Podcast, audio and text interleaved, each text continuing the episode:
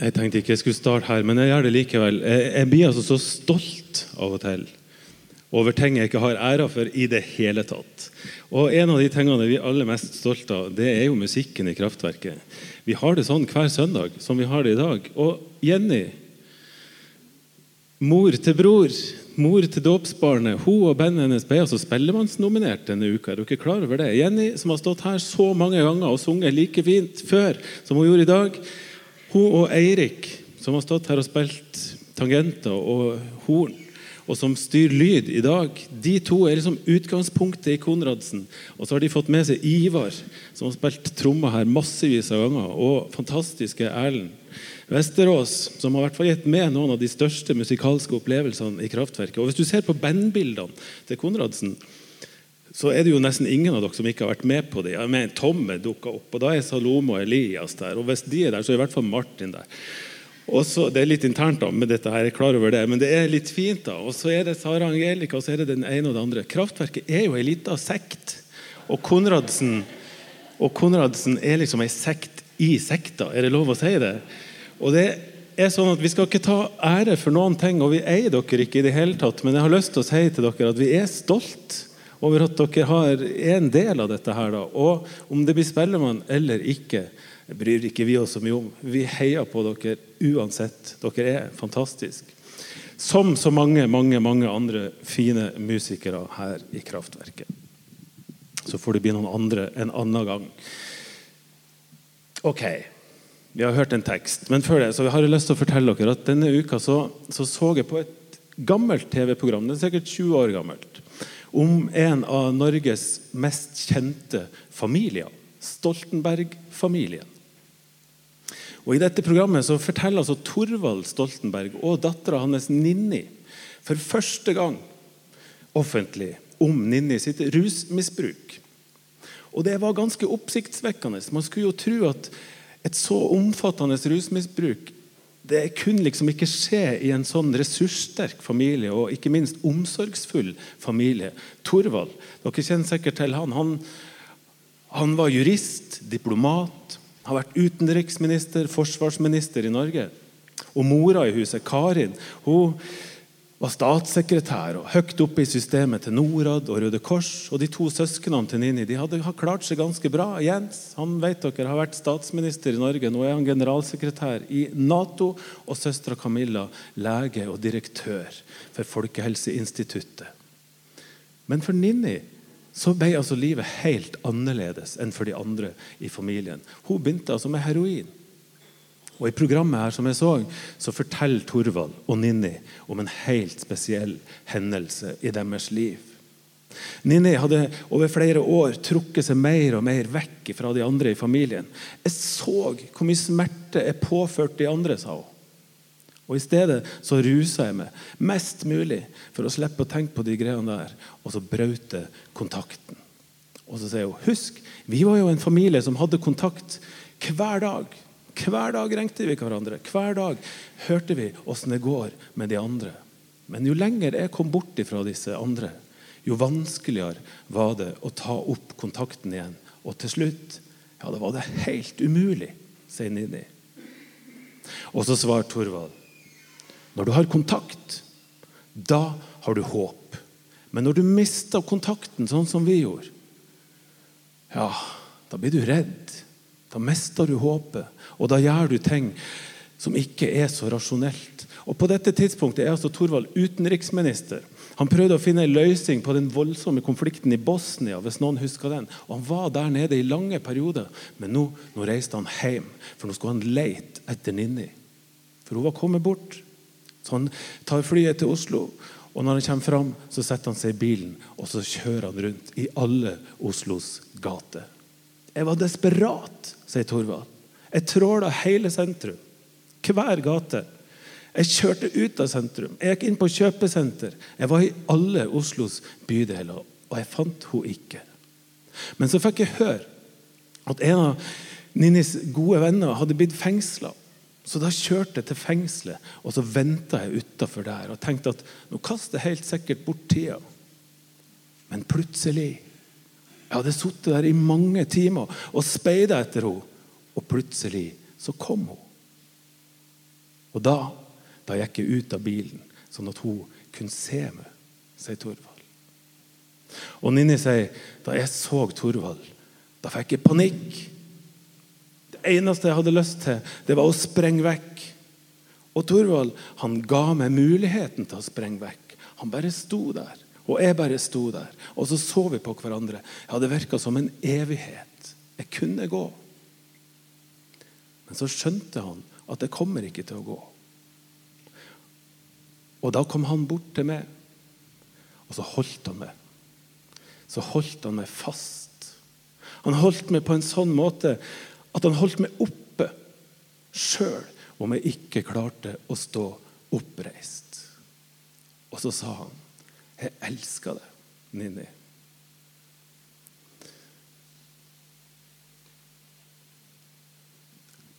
Tenk alt en redd og fortvila og sikkert skuffa og sint far kunne ha sagt akkurat der og da. Men det viktigste han hadde å si, det var altså 'Jeg elsker deg, Ninni'.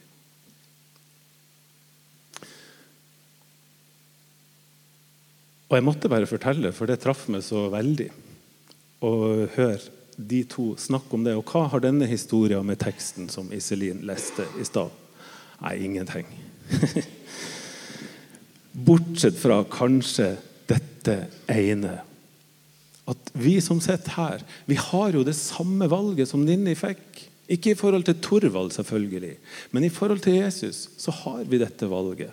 Uansett hvordan livet vårt er, hvor vi befinner oss, og om vi har havna i trøbbel eller om livet går på skinner, så er det vårt valg om vi ønsker at Jesus skal bli en del av vårt liv og slippe han til i vårt liv. Og Historien om såmannen som Iselin leste, den handler litt om akkurat det. Om hvordan vi forholder oss til Jesus. Sprenger vi av gårde når vi ser han? Eller holder vi ham bare på avstand? Eller lar vi han komme tett på? Sånn at vi kan høre de tre ordene som jeg tror det er viktigst å si også for Jesus, til alle oss, nemlig 'Jeg elsker det'. Husker dere historien? Iselin leste altså fra Lukas evangeliet. Der starta teksten med at det er mange som har kommet for å høre på Jesus. Det skjedde ofte. Og nå forteller han altså denne lignelsen, denne historien, som sier noe mer enn ordene vi hører, om en såmann. Og denne såmannen har altså gått ut for å så kornet sitt. Og Jesus forteller at dette kornet det havna i litt forskjellige plasser. Noe korn havna ved veien og ble spist av fuglene. Noe havna på steingrunn. Det visna med en gang det kom opp, for der var det jo ikke noe næring. Og Noe falt blant tornebusker. Og Tornebusker de gir jo ikke plass til noe annet enn seg sjøl, så der er det ingenting som kan vokse. Men så er det også noe korn som faller i god jord. Og det, det vokste opp og ga overflod av frukt. Det er historien Jesus forteller til denne folkemengden. Og så skjer det noe som ikke skjedde så ofte. Men Jesus snur seg vekk fra folkemengden og så ser han på disiplene sine, som helt sikkert sitter nærmest. Og Så forklarer han lignelsen. Han forklarer ingen andre lignelser, men akkurat denne forklarer han. Og Det er altså bare disiplene som får høre, de tolv disiplene som får høre hva dette betyr. Og Jeg har ikke lyst til å gjøre noe stort poeng av det i dag, men Jesus begrunner dette her med at folkemengden de kommer ikke til å skjønne hva jeg har sagt nå uansett. De skjønner ikke betydninga av dette, her, for de har ikke forstått hvem jeg er. De har ikke sett at jeg er Guds sønn. Så da kommer de til å se, men ikke se. Da kommer de til å høre, men de kommer ikke til å forstå. Men dere, sier han til disiplene, dere, dere har skjønt det. Dere har tatt imot dette her. Og dere er det nå blitt gitt å kjenne Guds rikes hemmeligheter, som han uttaler seg. Så derfor skal jeg forklare det til dere, men ikke til de andre. Og så kommer forklaringa. Hvem er det som er såmannen? Husker dere det? Vi driver ikke med hans opprekning i kraftverket, så bare slapp helt av. Og Hadde jeg sett det i han nå, så hadde det vært feil, fordi Jesus sa jo ingenting om hvem såmannen var.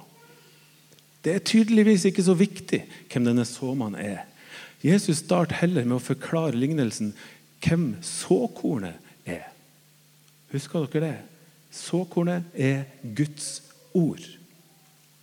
Og Guds ord, hva er det? Ja, mange tenker nok at Bibelen er det som er Guds ord, og det hørte vi i starten. Iselin sa det. Og det er jo ikke dumt tenkt. Men denne lignelsen jeg tror den utfordrer oss på mye mer enn på hvilken plass Bibelen har i livene våre. For husk dette. De som fikk forklaringa, disiplene, de hadde jo ikke noe forhold til Bibelen.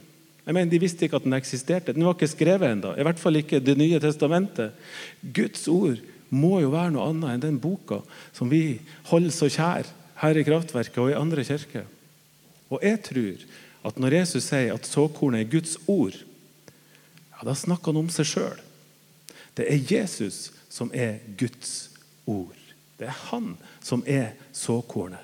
La meg få lese en, noen få setninger fra en av de vakreste tekstene som noen gang er skrevet av et menneske. Teksten er kjent som Johannesprologen, og den starta sånn. I begynnelsen var Ordet. Og ordet var hos Gud, og ordet var Gud. Og så fortsetter Johannes litt lenger ut. Og ordet ble menneske og tok bolig blant oss. Og vi så hans herlighet, en herlighet som den enbårne sønn har fra sin far. Full av nåde og sannhet.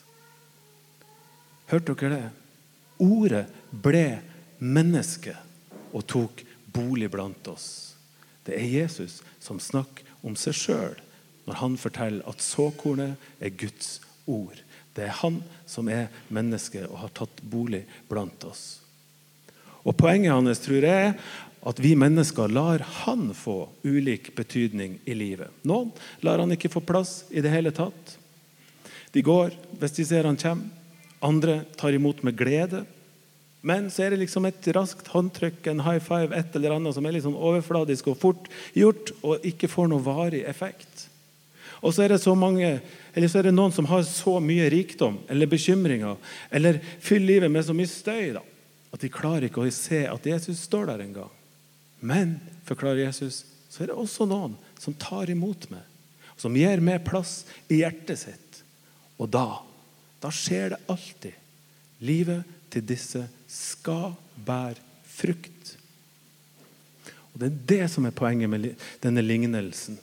Jesus er jo ikke ute etter å ta noen eller å anklage folk for at en oppfører seg som en tornebusk eller steingrunn og få oss til å ransake hverandre er oss sjøl. Er jeg god jord, eller er jeg steingrunn? Hvem er? Jeg tror vi er litt av alt dette her.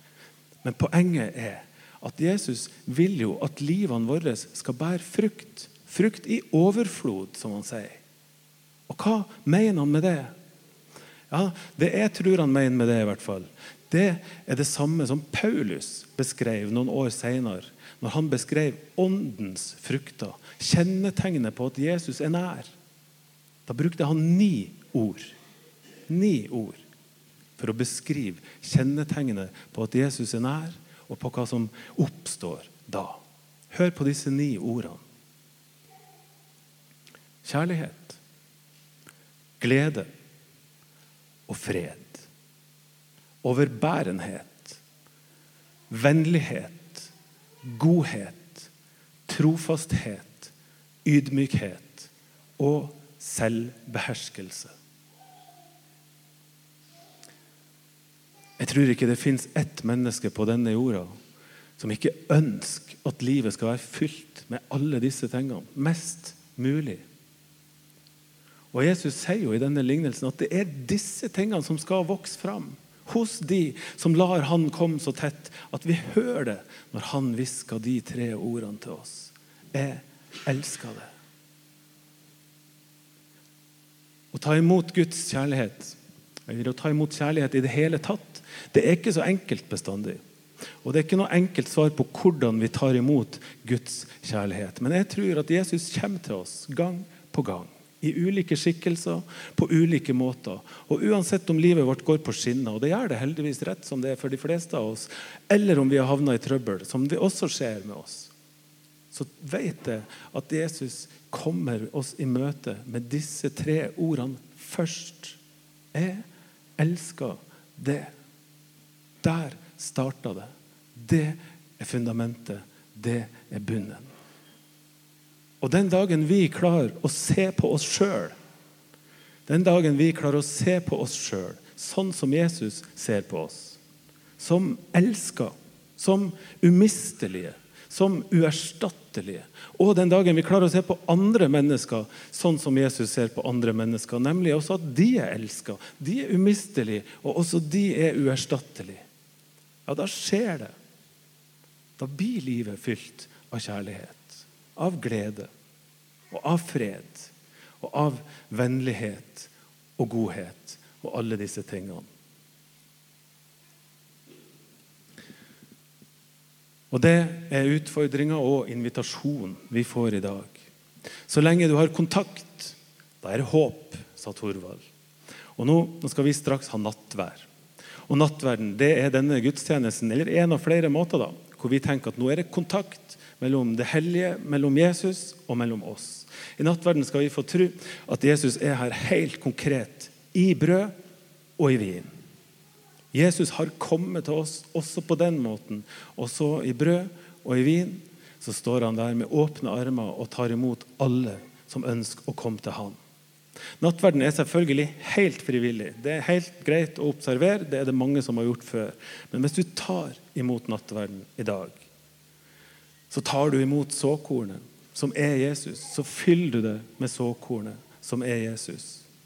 Og kanskje dette er dagen at noen av oss hører stemmen som sier 'Jeg elsker det'. I så fall så kommer gode ting til å skje. Noe fint kommer til å vokse fram.